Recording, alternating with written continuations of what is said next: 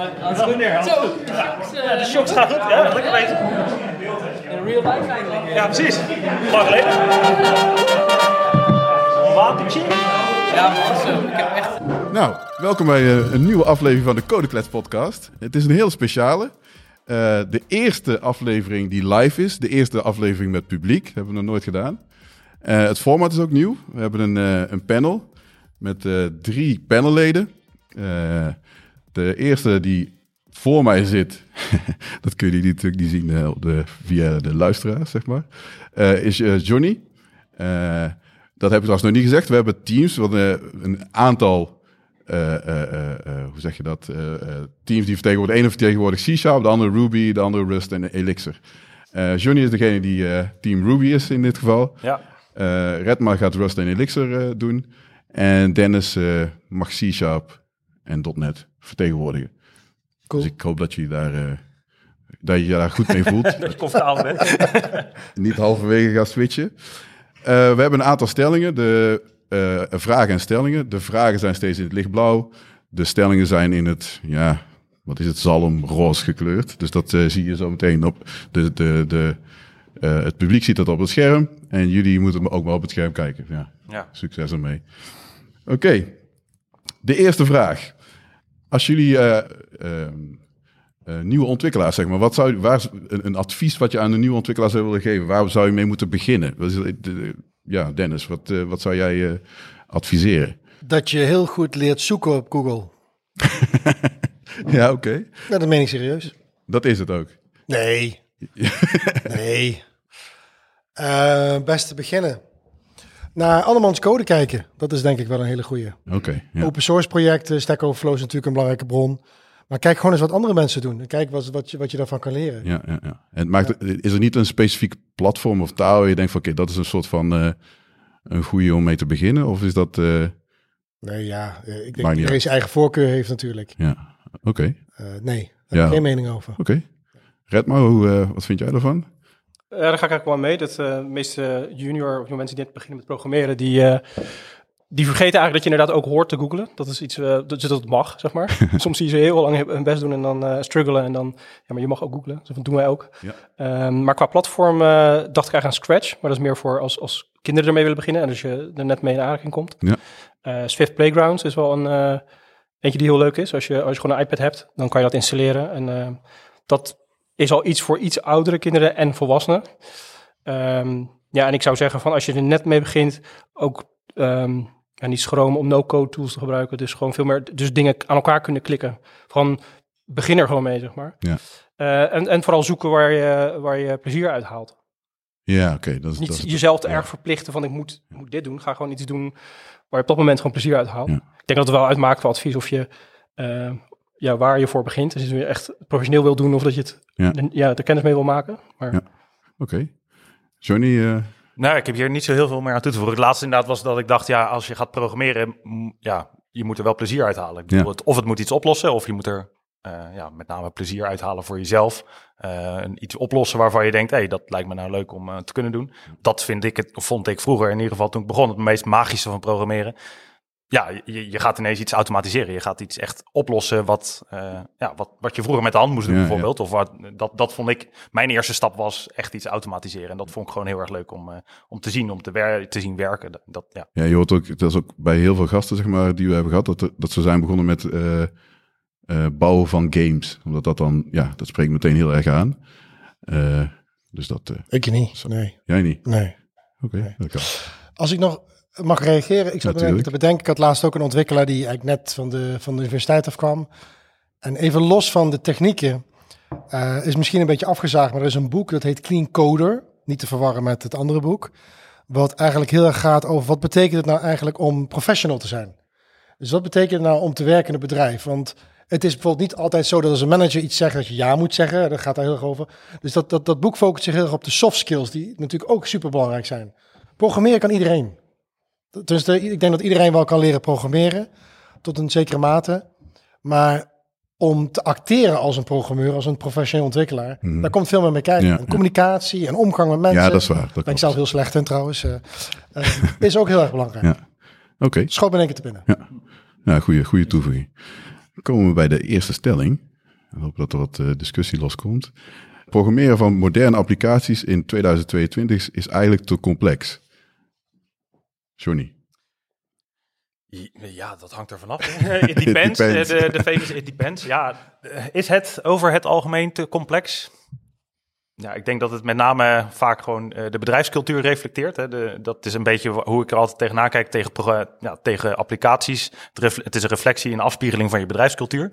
Eh, dus hoe ingewikkelder de bedrijfscultuur, hoe ingewikkelder de applicatie, zou ik dan kunnen zeggen. Ja. Maar ja, ik, het, het, het, ja, het hangt er vanaf. Er, tuurlijk zijn er complexe applicaties. Tuurlijk zijn er applicaties die heel ingewikkeld in elkaar zitten. Ja. Al dan niet de bedoeld of al dan niet eh, ja, nodig soms ook. Maar ja, de, elk, op elk potje past een dekseltje, denk ik. Dus eh, het- als het het doel dient. En er, er, zijn, ja, er zijn programmeurs die die code eh, ja, aankunnen en ook willen beheren en ook willen programmeren. Mhm. En er zullen ook genoeg applicaties zijn die, die makkelijk zijn. Maar ik zou niet durven zeggen dat het overal te complex is, eerlijk gezegd. Nee. Ik denk dat er zoveel tooling en, en dingen tegenwoordig ook bij zijn gekomen, dat een hele hoop programmeerwerk oké. van tegenwoordig makkelijker is Maar maakt dan, het dan, dan niet vroeger. dat nog complexer? Want dan kan nog veel meer stuk dan dat er eh, voorheen eh, ja, kon. dat is waar. Da- Ja, dat is Dus dat is ook wel eh, een ding. Ja, red maar. Ik denk het wel. Eh, in de zin dat er steeds meer, er is meer van alles. Ja, Ehm, ben je, ja, onder de noemer van ja, toen ik begon, zeg maar, dan was het gewoon letterlijk eh, PHP en eh, gewoon iets in een pagina eh, gooien, een paar regels. ja. Ehm, en je kon, je kon refreshen en je zag het, zeg maar. Ehm, en in die zin denk ik dat het complex ehm, is geworden als je net begint. En dat je dan eigenlijk best wel een soort van eh, ja, guidance nodig hebt van mensen om je een beetje wegwijs te maken waar, wat je het beste kan leren en ook om focus te houden. Ja. Dus een beetje gegeven, zeg maar, hoeveel desktop apps er zijn die in Electron zijn gebouwd. denk ik dat we, dat we op basis daarvan denk ik dat je bijna wel conclusie kan trekken dat het gewoon te complex is. ja. Eh, ook de drang naar dingen als React Native op mobiel. Ook al maar weer om gewoon weer twee hele complexe eigen ecosystemen te kunnen overbruggen. Ehm, eh, voor, mij, voor mij is dat hier nog wel te, te complex. Ja. Gegeven dat je nog weer doorgaat naar infra, dus de, het hele Kubernetes verhaal, zeg maar. Ja, dat, dat duizelt gewoon. Als je ook gewoon naar, naar de Kubernetes, eh de landscape kijkt, er staan echt eh, volgens mij 500 bedrijven, 500 projecten op. Ehm, ja, dat gaat volgens mij, reist dat een beetje de pan uit. Dus Ja. volgens mij is het niet, zou het niet ehm, erg zijn om, om als eh, eh, branche meer te streven naar minder. Hetzelfde als bij programmeertalen. Blijf maar bouwen, bouwen, bouwen, nieuwe dingen erbij bouwen. Ja. Ik denk dat het helemaal niet erg is om soms gewoon eh, daarin juist te zeggen van hier stoppen we. En, en je, en je maakt hetgeen waar je mee bezig bent beter in de zin van bugs fixen, maar niet per se alleen maar features blijven doorbouwen. ja. Oké, ja. Dennis. Ja, ik denk zeker dat het antwoord ja is. En wat jij zegt is zeker waar. We hebben gewoon te veel keuzes, te veel platformen, te veel talen, te veel opties. Eh, zeker als je in de JavaScript-wereld kijkt, ja, het, het, vliegt de pan uit met alle, alle frameworks. Maar wat ook belangrijk is, is dat 20 jaar, 25 jaar geleden bouwden we vooral desktop-applicaties. Dingen die op een PC leven. Nu zijn het allemaal websites. En op het moment dat je iets in, op het internet zet, krijg je in één keer te maken met beveiliging, schaalbaarheid, weet je, allemaal van, allemaal van complexiteiten. Ja, wa- wat, wat gewoon zo enorm complex maakt. En infrastructuur, zei je ook al, Redmar, dat is ook al een superbelangrijke. Komt allemaal bij kijken. Er zijn natuurlijk zat platformen waar je vrij snel een websiteje op kan zetten. En dan wordt het ergens gehost. Maar op het moment dat het een beetje, eh, hoe zeg je dat, eh, eh, massa krijgt of publiek aantrekt. Ja, dan moet je gaan nadenken over security en cross-site scripting en cores en dat soort zaken. Dat is toch gewoon niet meer te bevatten tegenwoordig. Ja. En infrastructuur is een hele mooie. Tegenwoordig moet je ook dingen weten van Terraform en AWS en Cloud en, sorry, en Google. Wat allemaal weer net op een andere manier werkt. Het gewoon, komt zoveel bij kijken. Ja, denk dat het ook veel waarde geeft aan tools zoals zoiets als Webflow eh, of Shopify. ehm, ja. Om dat juist te gaan gebruiken. Omdat het alternatief is zoveel complexer. En daarmee ook zoveel duurder om het te bouwen. ja. Want je hebt nog veel meer nodig. Oké, ja. Ja, ja, ja. Ja, ik zit een beetje te denken, wel, is dat niet altijd zo geweest? Tot op zeker, kijk, we hebben nu meer keuze. Dat, dat ben ik helemaal met je eens. Maar het is, kijk, vroeger kon je ook kiezen om het in assembly te gaan schrijven. Kan nu nog steeds overigens, doet bijna niemand meer. Maar vroeger was dat nog meer mainstream, om even zo te zeggen. En waren daar ook al talen die daarop verder borduurden om bepaalde dingen uit handen te nemen. En eh, bepaalde dingen voor je eh, over te nemen. Maar misschien is het wel zo dat de, de applicatie die we tegenwoordig bouwen, dus de eisen doordat het op het internet staat, dat we daar meer eisen aan hebben gesteld. Ja, Waardoor maar de- er is ook om die eisen weer te vergemakkelijken, zijn, is er natuurlijk gewoon een hele hoop tooling Ja, mee Ik denk dat het dieper en breder is gegaan. Ja, Dus precies. Ja, dus je het is wel uit, complexer er geworden, ja, maar niet per se makkelijker of moeilijker. Misschien Ja. is dat het. Ja. Ja, maar je moet het wel zien te vinden. Dat is het. Welke keuze maak je? Er zijn tegenwoordig eh, hele studies binnen een bedrijf uit te volgen. Gaan we nou voor React of Vue of Svelte, wat dan ook. Terwijl het misschien helemaal niet zo'n belangrijke keuze is. Maar er is gewoon zoveel. En vroeger, als je op het Windows-machine zat, dan bouwde je iets met MFC en C++. Je had niet zoveel keuzes. En als je cross-platform wilde doen, dan pakte je Java, want dat was cross-platform. Ja, ja. Ja, maar dan zat je wel weer ook vast gelijk daarin. Dus ja, je moest dan gelijk ook het keurslijf in van die specifieke talen. Terwijl je nu dan wel de keuze hebt. Dat is, dat is niet complexer. Dat maakt het misschien simpeler. Ja, Alleen totdat je een bepaalde schaalgrootte bereikt, en dan wordt het in één keer weer een probleem. En dan kun je niet meer. Dus ja, Nou, ik denk ook niet dat er een goed, echt een ja of nee antwoord Ja, dat is ik, nog- had, ik had wel een Ja, dat- had ik wel verwacht. Dat is toch het antwoord op alles. dan is de stelling. Hè? Dat is onze 42. Ja, ja. Oké, nou goed. Dan gaan we naar een, eh, een vraag. Eh, welke principes pas je toe in je toolstack om de situatie simpel te houden? Sluit, sluit een beetje aan op wat we hiervoor eh qua stelling hadden. Red maar. Eh, wat wij doen is ja, onder, onder andere echt religieus bijna KISS toepassen. Mhm. Gewoon, kan het nog makkelijker? Kan je er nog meer van afhalen? Kan het nog makkelijker? Met name als je een soort greenfield dingen doet. Maar dat geldt eigenlijk ook voor als je features toevoegt. Van ja, maak het nou zo klein en zo simpel mogelijk. Het is zelfs eigenlijk dat als je een nieuwe feature deployt, kan het ook met je feature flag en kan je hem zeg maar over 10 minuten live hebben. Ehm, er zit niks in, maar we hebben wel een feature flag. Kan je dan daarna iets erbij bouwen wat achter die feature flag zit. En door itereren op productie. Ehm, dat is in ieder geval hoe, hoe, hoe wij het zeg maar doen. Ehm, met name de, de, houding van dat je het zo simpel mogelijk moet houden. Ik denk dat dat, dat het de, beste uitgangspositie is. Dus niet, eh, ja, in die zin is het ook een soort design up front natuurlijk, big design up front en dan dat willen bouwen. Ehm, ja, het is gewoon itereren, klein houden en eh, vooruit, zeg maar. Ja, oké. Dennis? Ja, wat moet ik hier nou op zeggen? Nou ja, Het is bijna mijn werk eh, om, om dit soort nou, dingen dan in kaart je te brengen. hopelijk... Ja, Geen toolstack. Ik bedoel, er zijn zoveel methodieken en principes die moeten helpen om het simpel te maken. Ehm, maar vaak heb je complexiteit nodig. Dat is het vooral. Je kunt dingen wel simpel willen houden. Maar je, je requirements en je non-functionals die eisen geven met die complexiteit, die heb je gewoon nodig. Mhm. Dat kun je niet voorkomen. Ehm, maar ja, ik heb net een hele sessie gedaan over clean code en over testbaarheid en over interne kwaliteit. Ja, dat is allemaal, het is allemaal onderdeel van dat proces om het simpeler te houden. Ja. Maar ja, de- de- de- ik kan al mijn principes gaan noemen die ik toepas in mijn werk. Ja, je mag er voor mij een paar noemen. Doe er eens drie. Solid, om maar iets te noemen. Weet je, Ja. Test-driven development, eh, infrastructure as code. Eh, die, die maken het trouwens in die zin wel complexer. Maar nogmaals, je hebt het nodig, want je moet dingen uit kunnen rollen. Mhm. En met de hand naar een cloud provider gaan en je, je virtual machine uitrollen, eh, het maakt het niet simpeler. Nee. Om het te automatiseren, dat maakt het natuurlijk simpeler, makkelijker, sneller, betrouwbaarder. Maar het hangt er vanaf af hoe, hoe vaak ga je het doen. Eh, als ik ga, het- ik ja. ga het niet automatiseren als ik het maar één keer hoef te doen. En eh, ik span ergens een VM'tje en daar draait een, een, een dingetje, een service op die vervolgens eh, de komende vijf jaar niet aangeraakt wordt. Ja, dan ga ik er geen hele automatisering omheen bouwen. Dat is je non-functional. Jouw non- non-functional is dat je waarschijnlijk niks nieuws gaat uitrollen. Maar elk serieus systeem heeft natuurlijk, ja, je krijgt altijd nieuwe requirements, nieuwe inzichten.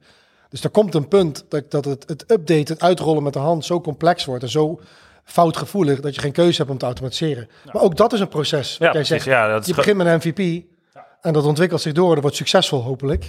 Ja, en dan moet je in één keer andere dingen gaan doen. Nou, dat is inderdaad wel iets wat ik in ieder geval bij mijn werkgever wel vaak zie. Is dat er heel vaak al van tevoren veel te complex wordt gedaan. Dus dan eh, altijd ja, kritische vragen blijven stellen is dan voor mij het antwoord op deze vraag eigenlijk. Dus gewoon kritisch blijven.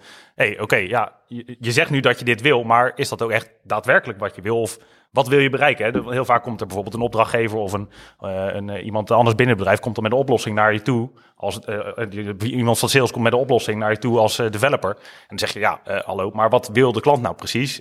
Kunnen we dat dan niet oplossen met iets wat we wel hebben? Dus ge- gewoon continu die vraag blijven stellen. Ik denk dat dat voor mij de meest... Oh ja, De, ja, ik heb precies die situatie meegemaakt dat er twee applicaties moesten synchro- gesynchroniseerd worden. En mijn vraag was uiteindelijk van, er moeten gebruikers gesynchroniseerd worden, maar hoe vaak moet het dan gebeuren? Want de ontwikkelaar zei gelijk, oh, we moeten een service bus en we moeten dit en dat introduceren. Maar blijkt nou, het hoeft maar één keer in de vijf tot tien minuten een beetje bijgewerkt te worden. Was helemaal niet nodig om al die complexiteit toe te voegen. Master, master, database replicatie. Misschien, zelfs Dan krijg je altijd optie van. Nou ja, het kan, weet je, het ligt aan de requirements Ja. uiteindelijk. Maar het, niet elk probleem is een technisch probleem, kan ook functioneel opgelost worden. Ja. En dat vergeten heel veel ontwikkelaars. ja, of, Techniek, met, of met bestaande tooling die er al is. Ja, bijvoorbeeld. Ja. Ja, ja, ja. ja, we willen natuurlijk alles eh, tien keer zelf opnieuw uitvinden. Dat is toch veel leuker. Ik had ook nog een beetje gekeken wat, wat de industrie hierover zegt. Mhm. Je had- ik heb we hebben de vraag van tevoren gekregen. Ja, ja, ja. Dus ik kon een beetje uitzoeken, zeg maar. En hetgeen ehm, wat op dit moment heel erg leeft in de industrie... is eh, de vier key eh, factors, vier key... Mhm. en, en dat is eigenlijk die... ehm, je hebt het bekend Accelerate boek. En die hebben zes jaar onderzoek daarnaar gedaan, een soort DevOps research team. En die, ehm, die zeggen eigenlijk andersom. Dus die hebben zes jaar onderzoek gedaan naar succesvolle projecten. Nou ja, succesvol zou je kunnen zeggen, is dat ze van die weten het die nog simpel genoeg te houden om nog te begrijpen wat ze aan het doen zijn. Ja, ja. Ehm, en daar hebben ze ja, vier key factors gehad. Eh, hoe, snel deploy, hoe snel kan je deployen? Hoe snel kan je recoveren van een foute deploy? Ja. Ehm, ja, nog twee. Maar in ieder geval in, de, in, dezelfde, in dezelfde richting. Ja, nou, nee, hoe lang, nee, lead time totdat er een, eh, een change in productie kan komen. ja. Dat is drie. En nog eentje die er heel dicht tegenaan schuurt. Ehm, maar die vier die komt overal terug. En dat is wel interessant om te zien. Sowieso is dat boek wel interessant, Accelerate. Het is wel een beetje droog in de zin van het is heel erg een opsomming van...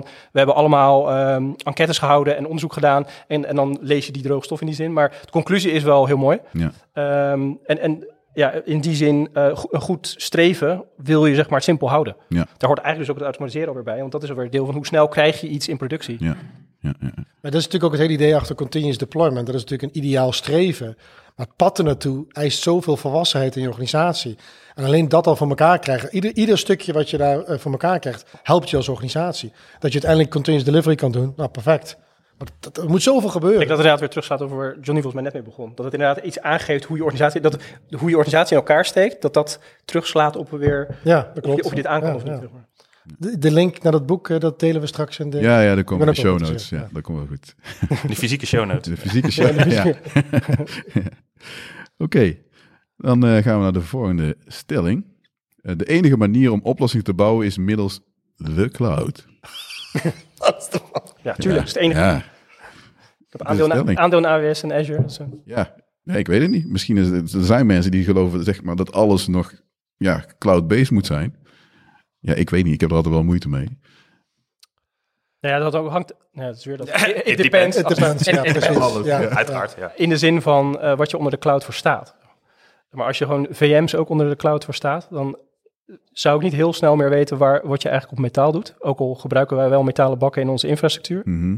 En daar hebben we dan dus ook goede reden voor. Ja, Ehm, oké, dat, dat is waar. Ja, want Dus zodra je dat eronder verstaat, dan zou ik echt niet meer weten waar je met fysieke servers zou gaan nou, eh, stel dat we die dus niet erbij Ja.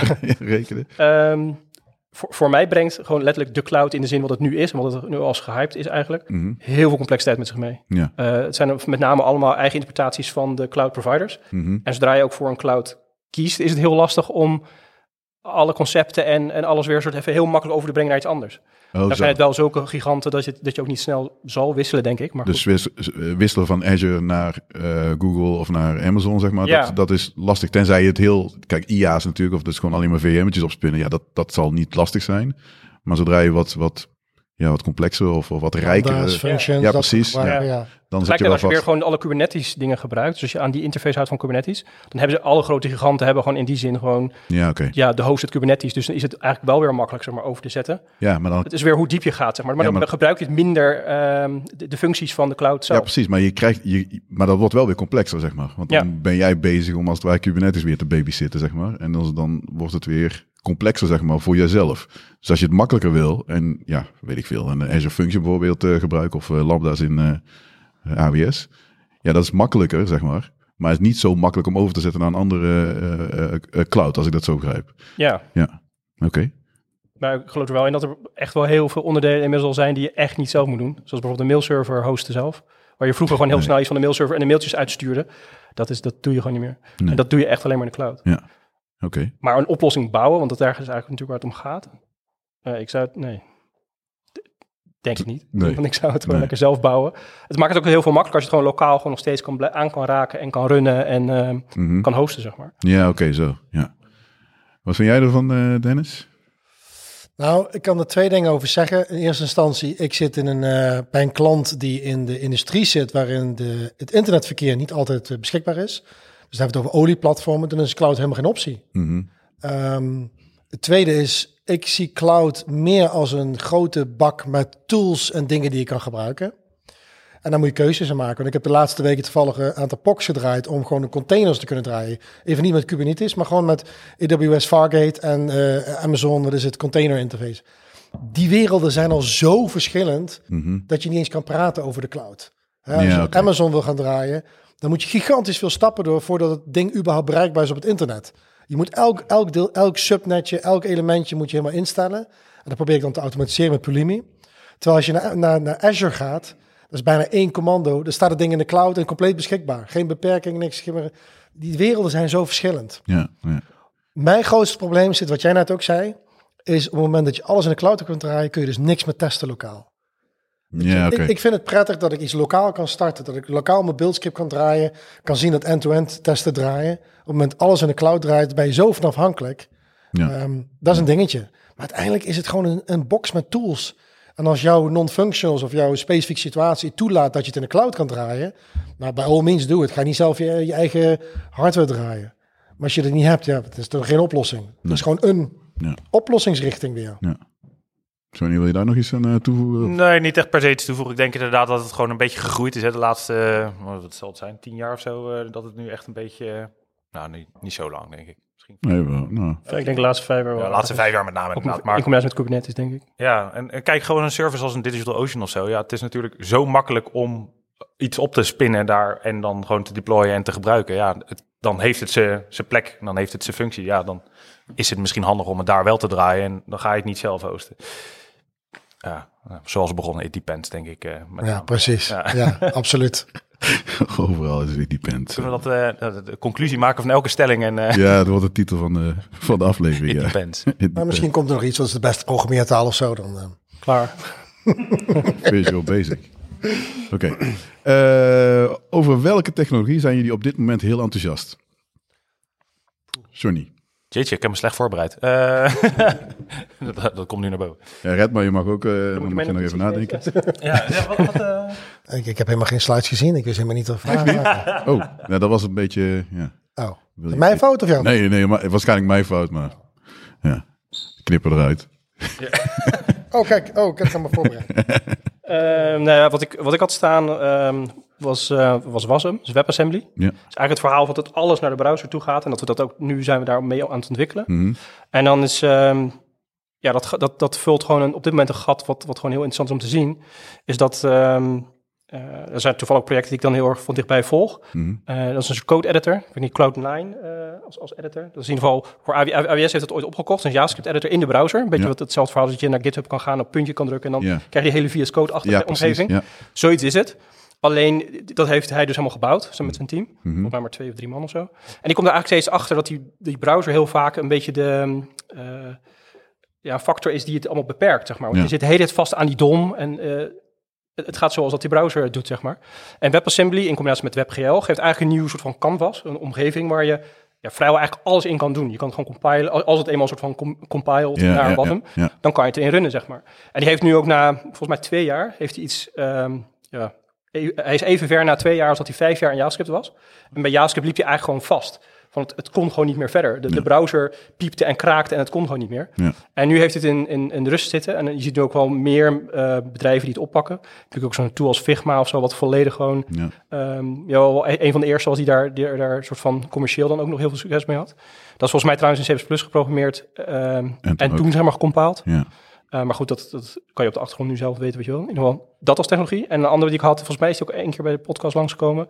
Dat is um, uh, OpenAI Codex. Ja. Dus zeg maar die GPT-3 soort artificial intelligence die voor je programmeert. Ja, ja.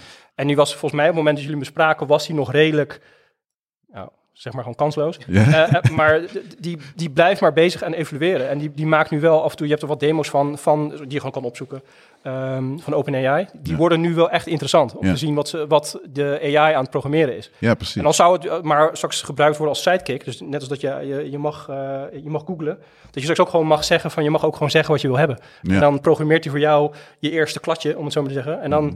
nou, als je dan goede test hebt erbij waarbij je kan valideren dat hetgeen wat, die, wat dat ding heeft gemaakt voor jou, dat het nog steeds doet wat het moet doen. Ja. ja waarom niet zo? Ja, ja, precies. Ja. Ja, ik, eh, ik bedacht me net iets toevallig wat ik voor, voor, eh, eh, voor mijn eigen werk heb moeten doen de afgelopen tijd. WebAuthn, dat is Web Authentication, nieuwe standaard van de W3C. Mhm. Ehm, is al een aantal jaren in de maak en dat is eigenlijk een standaard die ze aan het ontwikkelen zijn ehm, ter vervanging van wachtwoorden eigenlijk. Omdat wachtwoorden hè, het, zwakte bot zijn van het internet. Ehm, ja, iedereen ja, iedereen heeft wachtwoorden. Tegenwoordig lost het op met een passwordmanager.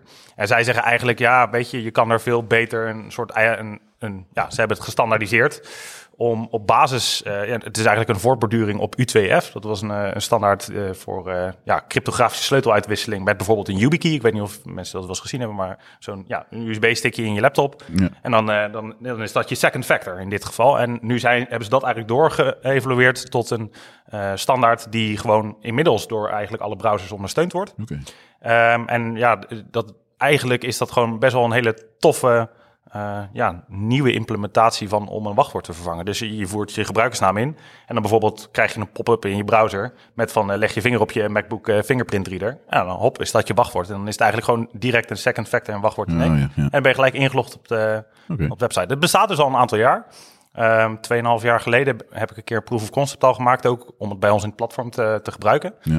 Eh, het was toen nog niet nodig. En maar nu hebben ze de U2F-standaard eh, uitgefaseerd, Ja. in ieder geval bij Google sinds 1 februari, dus moesten we wel over. Ja, oké. En toen heb ik het eh, weer, weer gebouwd en ja, elke keer blijft het toch wel, Maar, denk ik, ja, blijf- denk, ja, best wel heel erg tof. Ja. Eh, je hebt ook een website, webauthent.io, en dan kun je het gewoon echt even snel proberen. Eh, je kan allerlei variabelen opgeven of er bijvoorbeeld ook echt user authentication achter moet zitten. Dus dat die ook jou als user moet identificeren. Dus je fingerprint is uniek, dus dan kunnen ze daar aan de hand van ook weer allerlei dingen filteren. Nou, dat is wel een technologie waarvan ik denk, ja, dat krijgt hopelijk ooit wel een keer ergens een plekje. Eh, Dennis? Ja, ik ben niet zo van de technologie. Nee? Ik, ik vind technologie toch altijd wel een dingetje, een means to an end. Ja, oké. Als ik dingen moet noemen die ik nu... Ik vind .NET nog steeds fantastisch, zeker in de huidige Mhm. vorm. Ik vind TypeScript fantastisch als taal. Eh, dingen die ik wel interessant vind is Pulumi, om je hele eh, infrastructuur te automatiseren. Gewoon het feit dat je een enkele repository hebt, waarin zowel je productiecode zit als de code die je hele infrastructuur uitrolt en dat ook mee evalueert. Dat vind ik wel gave dingen, maar voor de rest, eh, nee, ben ik niet zo... eh, Oké. nee. Er is te veel. Nou, dan gaan we snel eh, naar de volgende. Want we hebben nog even tijd eh, om vragen straks te beantwoorden. Dan gaan we deze proberen kort te houden. We zijn over de piek heen van de hypecycle als het aankomt op nieuwe programmeertalen en platforms. Als het stil blijft, dan is het, niet, dan is het gewoon niet zo. Oneens. ja, dat is het verhaal waar ik net al, als ik over WebAssembly heb. Dat is pas vier jaar oud of zo. Ja. De meeste mensen hebben er volgens mij nog nooit van gehoord. Ja. Eh, dus in die zin zijn we nog volop bezig. Ik had een soort lijstje gemaakt hoe oud de programmeertalen zijn voor mezelf. Met hoe, hoe oud zijn ze nou eigenlijk? Ja. Nou, C-sharp. Eh, de- de- 20 de- jaar. Ja, 20 jaar. Ja. Maar eigenlijk, eh, ja, Ruby is ook al, eh, ook al aan de aan leeftijd. Maar Rust is 7 jaar oud. Oké. De 1.0 versie. Swift is ook pas eh 6, 7 jaar oud. Ja, Ehm, ja, Elixir 2011. Ehm, TypeScript, ja, 8, zo. 9 jaar. Ja, acht, negen jaar. is dat al zo oud, joh? Ja. Oh, wauw. ja, Ehm, en Kotlin, eh, dat is ook eigenlijk eh, best wel kort pas. ja oké. En pas pas 2019 pas als preferred language eh, op, op het platform gekomen. Dus in die zin zijn we eigenlijk de grootste platform die we hebben, de, de, de mobiele platform zeg maar, die hebben, pas, die hebben eigenlijk hele jonge talen op Oké, ja. Ehm, ja, dan heb je nog eh, bij jullie Blazor, Blazor geloof ik. Ja, maar dat is WebAssembly implementatie. Ja, nou, in die zin is ook allemaal een soort, eh, ja. wat, eigenlijk dikke hype zeg maar. Ja. Overal wordt het zeg maar genoemd, dus volgens mij zit het nog volop in de hype. Ja, oké, oké. Zijn je het er ook mee eens? Ja. Ja. Ik voel dat niet zo. Maar goed, Nou ja, oké, dat kan. is misschien ook gewoon oud. Uit. Eh, ja, nou ja, ik, ik, ik, voor mijn gevoel, maar dat is gevoelsmatig, dat is ook met frontend zeg maar, dat je daar een beetje over die hype heen bent. Want kijk, iedereen die niet frontend developt zal zeggen, ja, er zijn iedere week is er een nieuwe taal die zeg maar heel erg hip is. Dat is redelijk over. Het is Vue, Angular, React. en misschien, Ja, op zich eh, krijg je nu weer Svelte, die soort Svelte, ja, oké, wat staat ook al twee jaar.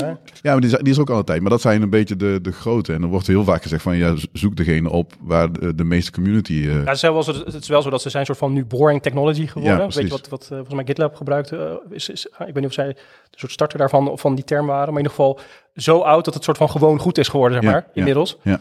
Mainstream. Ja, Gewoon mainstream, ja. Ja. Ja. Dus in frontend is op zich, denk ik, die hype. Ben je erover, er gebeuren zeker nog wat dingen. Svelte is relatief jong. Maar het is niet meer zo dat iedere, ja, tenminste voor mijn gevoel was het echt ieder half jaar, oh, ja, weer een nieuwe taal, weer een nieuwe library. Dus dat, dat ging echt heel, Ja, maar die library zal, dat zal nog steeds wel zo zijn, denk ik. ja, Alleen ja, je ziet nu gewoon een aantal grote die steeds, Ja. steeds terugkomen. Ja. Ja, ik denk dat je, dit- dat je hebt dat, dat teams zijn gewoon geïnvesteerd. Dus op een gegeven moment heb je geïnvesteerd Ja, in... precies, in- ja. Want je gaat ook niet, als je het view leuker vindt, maar het is allemaal eh, in eh, React gebouwd. Dan ga je ook niet opeens omschrijven, zeg maar. Jawel, want daarom doen we microservices. Hè? Kan, elke service kan zijn eigen platform gebruiken. Eigen taal, eigen database, eigen frontend. ja micro Eigen- dan kunnen we lekker wisselen. Ja. is goed voor je organisatie. Ja, en dat hele Kubernetes, denk ik dat je daar ook al bent van dat het, daar zijn we nog niet klaar. Dat is gewoon niet het, Nee, het einde, dat klopt. eh, Dat is waar. eindantwoord, want het, het gaat eigenlijk nergens over. Ja. Qua complexiteit dan in ieder geval. Ja. Dan is het goed dat je het doet, maar ja, Het is nog niet... eh, als je ziet wat je vroeger nodig had en je, wat je nu nodig hebt, als je gewoon een groot platform gewoon zijn gang laat gaan en Kubernetes in je bedrijf haalt, dan eh, heb je opeens heel veel meer nodig, zeg maar. Dus ik Ja. denk dat, daar, dat we daar nog niet klaar zijn, maar dat zal ook wel langzaam een boring eh, technology, mainstream technology worden. Oké. Eh, Mainstream klinkt positiever dan boring. Nee, ik heb niks Ja. Ja, oké. Ik snap ook niet waarom ze die term voor marketing doen ook. eh, Goed. De laatste vraag. Eh, wat zou je willen weten over, de, over taal of platform van degene die naast je zit? Ik doe niet mee. je mag het ook aan hebben, je mag het ook zo- Ja. Welke taal gebruikt je ook weer? Ja, precies. Eh, niks. Weet niks? Nee? Nee, ja. ja. Ik heb er zelf voor gekozen om eh, binnen dat vakgebied te blijven. Ja. Omdat er al zoveel informatie of zoveel dingen over te leren valt. En zoveel mogelijkheden. Eh, ja, ik word af en toe wel eens via Twitter bestoken. Ah, je moet F-sharp doen. Ja. Zeg, waarom dan? Ja, dan wordt alles, alles simpeler. Ik zeg, nou, sorry, maar ik zit lang genoeg in het vak dat het allemaal niet zo makkelijk is. Eh, nee, jij maakt een keuze. Ik heb dat niet Ja. zo met eh, talen. Nooit gehad. Ja, op een gegeven moment ben je geïnvesteerd in een, ja, net als wat Red maar net zei over een bedrijf. Dus een bepaald, op een bepaald moment geïnvesteerd in bepaalde keuzes van eh, frameworks en dergelijke, maar Ja. ook van inderdaad de taal. Op een gegeven moment, ja, het is, het is veel breder dan dat. Ja. Ja. En je kunt het googlen. hè? Maar goed, geen voorstanders van... Oké, af en toe eens kijken bij de buren van... Oké, hoe zit dat met Java? Ik vloek een beetje. Ja, Ja, daar, dat is wel hetgeen wat ik ja. soort van mezelf in herken wat constant doe. Ja, Ehm, gegeven dat ik nu kinderen heb, is dat iets minder, ja, ja, ja i- precies. iets rustiger geworden, dus iets meer focus. Ja. Maar nog steeds vind ik heel interessant om te zien wat er in andere ehm, ja, ecosystemen, andere wereld, andere programmeertaal frameworks gebeurt. Mhm. Ehm, zeker omdat soms zijn werelden zo anders. Zeg maar. Dat is ook überhaupt de reden, want ik sta daarop met de Rust en Elixir. Eh, ik kom eigenlijk uit de Ruby-hoek. Ehm, En die, die Elixir kant, zeg maar, dat is eigenlijk, lijkt heel erg op Ruby. Maar hoe dieper je duikt, hoe meer je eigenlijk gaat zien dat het heel anders is dan Ruby. In de zin van, het lijkt een beetje qua syntax, ehm, Ja. terwijl het wel functioneel is. En nou, zo blijft het doorgaan. En in die zin denk ik dat het wel kan helpen qua verbreding. Alleen je moet er tijd voor hebben. Ja. dat je kan het niet, want het, uiteindelijk verdient het niks. En wat jij ook zegt van, ehm, eh, binnen bedrijven zijn ze gewoon geïnvesteerd. Alleen tegelijkertijd ben ik ook wel weer mee eens dat als jij niet aankomt met een andere oplossing. Kijk, je kan met diezelfde ha- hamer de gaan lopen slaan. Maar er zijn een paar gevallen geweest die praktisch gezien gewoon letterlijk niet- in die andere talen niet mogelijk waren. Dus juist toen rond gaan kijken, was letterlijk de oplossing was de, dat andere ecosysteem. Ja. Eh, en, want het huidige ecosysteem kon het gewoon weg niet oplossen. Dus soms is het ook wel weer... eh, Dus disruptive is het eigenlijk. Het, het verandert de manier hoe je software gaat bouwen. Ja, en dat is ook, ja, die heb ik net nog niet genoemd volgens mij van, van technologie die interessant zijn. Maar bijvoorbeeld zoiets als Dark Lang, dat is ook zoiets van die, ehm, ja, het is op dit moment een beetje een soort, soort start-up-achtig eh, verhaal. Maar wat hij eigenlijk zegt, en dat, eh, ik denk dat hij een goed verhaal heeft, is dat Kubernetes zo complex. Ehm, en, en die hele pipeline, opzetten, alles is zo complex. En hij biedt eigenlijk een framework of een, eh, een platform aan, waarbij het gewoon klik, klik, klik, en dan heb je gewoon je REST endpoint enzovoort. En als in van, je gaat, je gaat weer kijken wat ligt er en hoe kunnen we dat weer in feite helemaal weghalen, gewoon wegslopen. En dat is wel disruptive. Ja. Want als je naast iemand zit in, in, in een team zit die dat voor elkaar weet te krijgen. Ik weet ook wel, er zijn ook tooling die dit eigenlijk hetzelfde doen, maar dan met serverless. Dus dan zit je niet zozeer op de taal dark, maar dan doe je het gewoon binnen eh, Azure, of, eh, Azure of AWS, wat dan ook. Ja, ja. Eh, ik denk dat, dat, dat ja, als er iemand naast je zit, en terwijl jij laat een heel team eerst een Kubernetes cluster bouwen, want zo zijn we het gewend, kan je inderdaad volgens mij af en toe gewoon wel zwaar disruptive zijn. Eigenlijk is dat het voorbeeld van wat Rails, hoe Rails op, het, ja, ten, ja, op toneel kwam. Was letterlijk dat er kwamen daar gewoon mensen in, de- in Rails-conferenties van grote bedrijven en die hadden echt een soort stel. eh, niemand mag zeggen dat je moet niet zeggen dat, dat wij eh, Rails doen, maar die waren gewoon aan het kijken van wat kunnen we daar halen, omdat Rails toch wel zo hard ging. Ja, zo, ja. ja. Ma- Mag ik een wedervraag stellen? Kijk, op het moment dat jij, ehm, jij of ehm, eh, Johnny komt iemand tegen, een CTO, en die heeft geld, een investor. En die zegt, wij willen een of ander nieuw product bouwen. Ik heb geld en ik ga jou aannemen, want jij klinkt als een slimme gozer. Wat voor platform ga je dan toepassen? It depends. Op basis van? Want ik weet niks van, ik, Ruby ken ik een beetje, maar Rust en Elixir weet ik niks van. Dus op het moment, op wa- op basis waarvan kies je dan dat platform? Dat doe je toch denk ik vanuit je eigen ervaring. Ja, maar als je eigen ervaring dus be- ja, beperkt is, met alle respect, Ja. Ehm, en het zal, zal na 25 jaar best wel genoeg zijn. Dan ehm, heeft iemand gewoon vertrouwen in jou dat jij het daarin goed doet. Ja. Maar iemand anders die zich verbreed heeft, die kan op dat moment die keus maken om bijvoorbeeld juist wel net even die andere kant op te gaan. Maar je denkt dus dat door de keuze van een andere taal zou je als organisatie efficiënter of sneller bepaalde functionaliteit kunnen bouwen. En, en mensen vinden om het, om het kunnen... het is letterlijk wat er gebeurt. Als je het zomaar hebt over startups, eh hackersnieuws eh, of een Y Combinator die zeg maar investering Mhm. doet, daar zie je ook gewoon letterlijk dat eh, ja, het gaat puur om stack. Zeg maar. ze, ze beoordelen ook zelfs basis van stack. Een nog groter team, zeg maar, waar het team uit bestaat. Maar ze kijken ook echt naar stack en hoe snel het gaat. Dus, er- dus er zijn zeg maar onderzoeken terug Ja. te vinden naar hoe groot zijn bedrijven, hoe snel konden ze bewegen. En als het er echt toe doet, want dat is nog wel iets weer Dus waarom- je zoekt een patroon eigenlijk. Van is bepaalde stacks blijk, is dat een garantie dat we daardoor, of een, is de kans groter dat we daardoor sneller succesvol zijn? Sneller een MVP in productie kunnen zetten? Precies, ja. Ja. ja. En da- daar zijn letterlijk de cijfers van bij eh Y Combinator, dat dat dan ook zo is. Dus die, kunnen, zeg maar, die zijn zoveel jaar in de running nu, dat ze dat ter- achteraf kunnen zien. Ja. Ehm, maar goed, dat is niet hetzelfde als... Dat Niet, is niet per- momentopname neem ik aan. Hè? Want al die platformen, als ik dan bijvoorbeeld even puur kijk naar mijn eigen wereldje, Microsoft, die komt ook nu alle dingetjes om het makkelijker te maken, Ja. om sneller iets in productie te zetten. Maar ja, Oké, oké, oké. Ik ga jullie afkappen. oh sorry. Sorry. ik wou net even een debat starten. Ja, dat, het was een, het- ik wilde het eerder afkomen, want ik denk, het is nog best interessant. Eh, vragen vanuit het publiek misschien. eh Yes. zullen we dat... Ja, een paar... eh, Heeft iemand nog een leuke vraag voor deze heren? Ah, zal ik hem gooien, de microfoon? Of eh, gewoon even te proberen? Dat- dat is- ik, vind- ik, ik, heb, ik sta al de hele dag hier een beetje te kijken. Ik ga hem gewoon Wie, proberen. wie ga je raken? Ja, nou, die, die man daarachter. Komt hij hoor. hey, komt hij aan. 3, 2, 1. Zo, nou, je hebt beschrijf geen het even- persoon- beschrijf de lampen die zijn wel stil. collateral damage. oren heeft nu. maar eh, mijn vraag is, eh, ja, eh, eh, je bouwt iets voor een bedrijf. Eh, het is wat het bedrijf wil.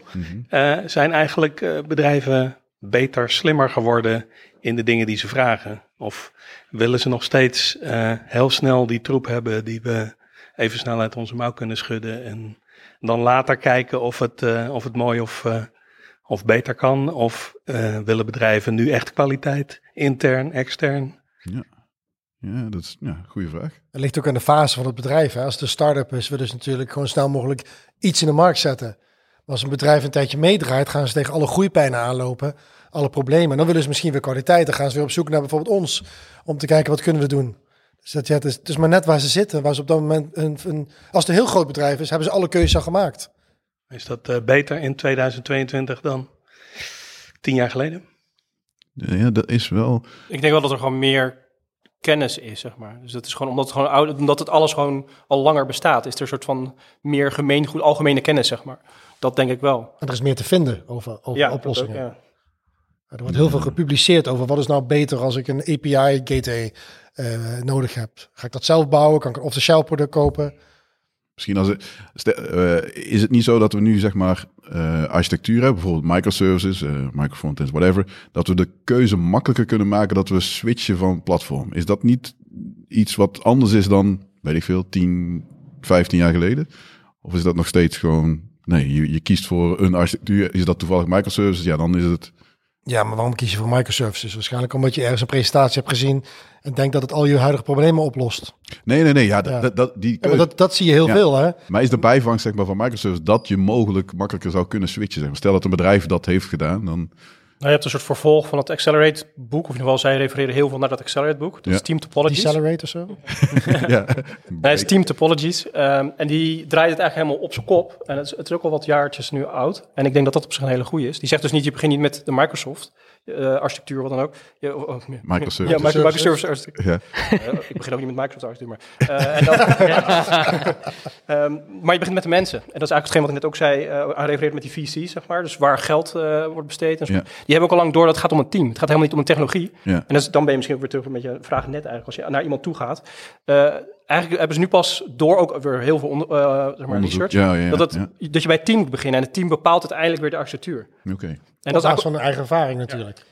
ja, maar het is ook wel, dat onderzoek gaat wel echt over van eh, duizenden projecten bekeken. En dan komt er eigenlijk op neer dat je dus ook een soort van toxic ehm communicatiestructuren hebt en toxic teams hebt, die gewoon niet succesvol zijn. Ehm, naar hun maatstaven. Eh, dus dat, ze geven ook echt op van de, dat er, er zijn iets van drie types manieren van communiceren, vier types, tien types, zeg maar. En die kan je met elkaar combineren. En eigenlijk zodra je daar eentje invoegt die niet daaraan voldoet, zeg maar, dan loopt de boel spaak. Ehm, alleen dat, ja, dat, is, eh, dat, dat vind ik eigenlijk ook wel interessant in dat verhaal. Van, volgens mij hebben we dus nu meer door eh, uit onderzoek, uit, uit ehm, ja, ervaring, Mhm. hoe we het moeten aanpakken. En dat het dus eigenlijk veel meer vanuit het mens, menselijk deel voortkomt. Ja.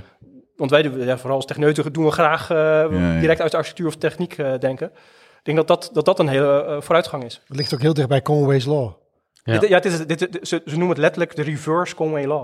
Oh, de reverse Conway manoeuvre. Ja, Ja, dat is hem. Maar dan vraag ik me af of Wim eh, nu een eh, goed antwoord heeft gekregen. Eh, ja, ja. Ja. Dat, eh, nee, ik heb zo'n, altijd zo'n beeld van ja, bedrijven willen eigenlijk troep, omdat ze zo snel mogelijk, Iets willen. zoveel mogelijk willen. Oh, zo. En, eh, ja, dat het voor ons moeilijk is om weerwoord te bieden, maar ik heb Ja. ook wel het gevoel dat het nu beter Ja, oké. lijkt. Oké. Vasthouden zo. Nog, eh, nog een vraag misschien in, uit het publiek? Nee, Bliek is heel stil vandaag. ze durven gewoon niet. Je zou gewoon beroemd kunnen Hij worden. zit gewoon te wachten op het bier, op het drankje. Oké. Ah, Oh, kijk eens, er komt nog een hand. Ik ga niet gooien. Voordat de bier naar beneden komt. Ja, Frank, eh, ja. Dennis stelde net die vraag over eh, eh, hoe kom je nu tot de keuze voor een platform. Hè? Als iemand je vraagt van een oplossing en ik kies een platform. En de, de, de, de suggestie achter de vraag was een beetje wat ik ook wel in mijn hoofd had. Zo van, ja, je kiest toch heel snel voor hetgeen waar je zelf kennis en ervaring van hebt. Ehm, en, en het is natuurlijk heel mooi om te zeggen, van, ja, ik, ik weet wat van alles en ik kan de juiste keuze maken. Maar ehm, is het niet ook zo dat je... ehm, dat een bepaald platform ook meer een bepaald type ontwikkelaars aantrekt. En dat dat vervolgens ook meer bepaalt of dat een platform succesvol is. Hmm. Goed punt. Inception. dat vind ik wel, eh, ja. Ja, ik denk zeker dat dat ermee te maken heeft. Eh nou, eh, frontend talen, d- d- dat is nu niet, het is niet voor niks dat ze heel populair zijn, omdat het heel makkelijk begin je ermee. Dus er zijn heel veel ontwikkelaars die denken, oh ja, cool, ik begin gewoon met JavaScript, TypeScript in een browser en ik, ik heb heel snel resultaat. Dus het zijn heel toegankelijke talen. En je, je ziet ook dat die communities ook echt enorm groot zijn. Ik denk, ja, ik denk dat .NET nu niet meer wint, zeg maar, van de gemiddelde Nee. frontend eh library. Terwijl vroeger Java, .NET was, het is in Nederland een beetje 50-50, zeg maar. Ja, dat is nu gewoon niet meer zo. C-Sharp is gewoon een klein, ja, niet de kleinere speler, nog steeds doen ze heel erg goed mee, maar het is een, een kleine community. Dus ik denk dat het wel waar is dat je eh, een bepaalde groep mensen aansp- eh, aantrekt en dat, dat creëert een bepaalde community trouwens, ook over toxiciteit. Toxie, ik krijg het niet aan mijn mond. Eh giftigheid. die, eh, dat het in bepaalde communities ook erin kan sluipen, zeg maar. Dat de ene veel vrolijke jippie en de andere is een beetje uh, chagrijnig. Dat, dat is het ook wat- nou, wat ik, de mensen die langs zijn gekomen in onze podcast, dat- je merkt echt wel verschil in De communities. .NET'ers worden heel zagrijnig van alle JavaScript-ontwikkelaars. Ja, Omdat het allemaal cowboys zijn. Ja, ja, klopt. Ja. Dus ja, waar het mij aan doet, eh, doet eh, denken nu ik er... eh, is, eh, ik, kom, ik kom zelf uit de databasewereld in het begin. mhm. Dus eh, begin van SQL Server, het over PLC, eh, TC 2000. statements, ja. En eh ze me toen in die tijd had je zeg maar, SQL Server versus Oracle heel, eh, heel erg sterk. Ja. En eh SQL dat was eh, slecht en Oracle was goed. Hè? Vooral bij de, grote, eh, bij de grote organisaties. En wat eh, mij daar altijd is opgevallen is dat het een heel groot verschil was. Is dat Oracle, daar werkten alleen maar mensen van die echt verstand hadden van databases. En SQL Server, dat kon iedereen. Dat kon je ook met drie klikken installeren. En het grote verschil was dat die Oracle databases waren allemaal super stabiel. Mhm. Maar het kwam meer door het feit dat de mensen die daarmee werkten, eh, die hadden er ook echt verstand van. Want je moest er ook verstand van hebben om mee te werken. Dat met SQL Server eh, wereld was dat veel minder. Ja. ja, ik denk dat je daar wel een goed punt hebt. Zeker in de, de, de, de, de entry is nu, nu veel, ja, is veel lager. Je kan veel makkelijker, eh, wat Saber ook al zei, je kan veel makkelijker beginnen tegenwoordig met een random programmeertaal. Ehm, ja, ik, ik zeg soort van af en toe ook wel eens een- tegen mijn collega's en ook tegen Redmar, die ik met enige regelmaat wel zie. Van ja, soms is het ook echt gewoon een soort van verloedering van ons vakgebied, vind ik. Eh, heel grof gezegd. Maar dat is, ja, dan zie je af en toe code voorbij komen van mensen die zichzelf dan programme- programmeur noemen of zo. En dan denk ik, ja, je hebt gewoon, je hebt het niet begrepen. Je hebt duidelijk, zeg maar, niet. Eh, ja, je hebt, je hebt vanaf de basis. aardig je- zeg je dat helemaal niet. Nee, dat klopt. Ik ben normaal wat grover. Maar, nee, maar je, je, hè, je ziet dan echt duidelijk aan mensen dat ze vanaf een andere hoek binnen zijn komen wandelen. En eh, ja, dan toch een bepaalde soort basiskennis of basisideeën of gedachtegangen er, eh, achter de code. Ja, die zie je dan dat dat gewoon ontbreekt. En ja, dat, het, is, het is aan de ene kant is het een positief iets natuurlijk, dat, eh, dat er veel meer mee, eh, dat iedereen mee kan doen. Ehm, ja, Ja, ik, ik denk ook, ja, dat zeker in het begin front-end developers kregen bijvoorbeeld minder betaald dan back-end developers. Ja, waarom was dat? Ja, oké. Nog een, eh, Zo grappig. Als ik Oké, zullen we- terugdenk... hoe lang oh, hebben we nog? Oh, Eh, We hebben we hebben, we hebben Min vijf min minuten. vijf Min minuten. vijf. dus, eh, Oh. Ah, Oké, wordt, eh, dus we denk hebben alle tijd. Nou ja, je, Oneindig. je, volgens mij wil jij nog iets Ja, ik zat even terug te denken, eh 20 jaar geleden. Dat er gewoon een hele groep mensen waren, dat waren Visual Basic ontwikkelaars. Die gingen toen C-Sharp en .NET doen. Nee, dat was ik ook. En dat Oh, zag je gewoon. Je zag gewoon het hele sequentieel programmeren. Eh, in plaats van objectgeoriënteerd. Maar ik denk nu zelf, als ik nu naar mezelf kijk, dat er nu een generatie komt die op, op de universiteit al eh, alle functionele talen heeft gezien. Die eigenlijk naar mij toe kijken van, dan heb je nog zo'n oude zak die eh, alles nog in objectgeoriënteerd doet. En ik sta er misschien niet voor open, omdat ik zoiets heb van, ja, wat Waarom? brengt het mij? Ja. En dat zie je hetzelfde ook gebeuren. Generatiedingetje, weet je. Is er nog een vraag? De laatste ja, vraag. dat is de laatste. We hebben toch min vijf minuten. Ja, ah, kijk. kijk. Kijk, Ik ga nu wel even een keer proberen. Hopelijk dat ik de lampen niet dat raak. gaat niet goed, dat gaat niet goed. jawel. Oh, Ja, Kijk dat. Peter. Als je kijkt naar, naar technologische ontwikkeling, dan, dan lijkt alles sneller te worden, ehm, eh, eh, beter te worden, langer mee te gaan, et cetera. Als ik kijk naar software development over de laatste twintig jaar, waar, waar ik ervaring mee heb, zeg maar, heb ik het gevoel dat dat voor software development zelf helemaal niet het geval is. Dat we vandaag sneller software developen dan 20 jaar geleden. Ondanks alle platformen, tools, frameworks, et cetera. Dat, dat we het onszelf moeilijker M- maken, ja. lijken te maken dan makkelijker Ja. te maken. En dat we dus, dus niet tien keer zo snel een stuk software bouwen vandaag als 20 jaar geleden. Ja. Hoe denken jullie daarover? Ja, ik, ik denk wel dat, zeg maar, meest basale dingen, die kunnen we sneller doen dan vroeger. Ik denk dat dat wel, eh, vroeger, als je een mooie website wilde maken, zat je echt avondenlang eh, zelf in HTML eh, alles uit te typen. Tegenwoordig is het een beetje sleuren, pleuren. Of je gaat naar een of andere eh, website en eh, je installeert WordPress en het is klaar, weet je. Dat, dat is makkelijker geworden. Eh, anderzijds denk ik dat met de, waar we het eerder over hadden, die schaling van complexiteit, dat, het, dat de projecten nu dus dan complexer zijn geworden. Eh, dat de tooling die we daarbij hebben ontwikkeld wel helpt om de, eh, om de, om de snelheid, zeg maar. Dus de, de, de lijn van snelheid om iets naar, naar productie te krijgen. Dat dat een soort van gelijk is gebleven. Terwijl de complexiteit veel hoger is gebleven, geworden. Dus misschien dat het een soort van elkaar heeft opgeheft. eh, eh, op, zo, moeilijk spreken. dat het elkaar opheft. Dat ik, misschien dat dat... eh, Maar Dus dat het wel qua productiviteit Ja, dat het- stabiel, ja, maar omdat met de huidige systemen die veel meer eisen, waar we het begin over hadden, cloud en beveiliging en performance, dat daar heel veel dingen voor worden opgelost. Ja, ik denk dat je nu meer tijd kwijt bent om uit te vogelen welke tool, service, dingetje gaat gebruiken om je probleem op te lossen, dan daadwerkelijk het probleem op te lossen. Er is gewoon zoveel. Ja, ik denk dat de applicaties wel com- ja, gewoon complexer zijn geworden. En daardoor... Ja, Kost het gewoon beetje, meer eh, tijd, ja. Als je het dan heel Ja. wil toespitsen, precies dat stukje, bijvoorbeeld voor Facebook, waarom ze React hebben gemaakt, dat was letterlijk die reden. Omdat ze gewoon een team van 500 man hebben zitten op, op diezelfde website die jij in je zolderkamer in elkaar aan het prutsen was. Dat doen zij nu met 500 man. Alleen hoe krijg je het nog voor elkaar dat je met 500 man aan dezelfde website kan werken? Ja, ja. Daar hadden ze last van. En dat, React was in ieder geval de eerste presentatie van React. Was dat de reden? Zo van, dan kunnen we dingen bij elkaar containen. En we kunnen het, we kunnen het beter Ja. van elkaar snappen en begrijpen wat we aan het doen zijn. Ja, ja, ja. Dus in die zin ben ik het wel mee eens. Oké. Beantwoord dat eh, je vraag? Zeker. Ja, goed genoeg. Oké. Nou, eh, dankjewel. Ik eh, bij deze, want we moeten snel afsluiten. Dankjewel voor deze panelsessie. Eh het publiek ook bedankt. Aviva bedankt voor het hosten. En eh, nou, hopelijk dat we dit nog eh, vaker gaan doen. yes. Ja. Volgende. Ja, leuk. Ja. Volgende.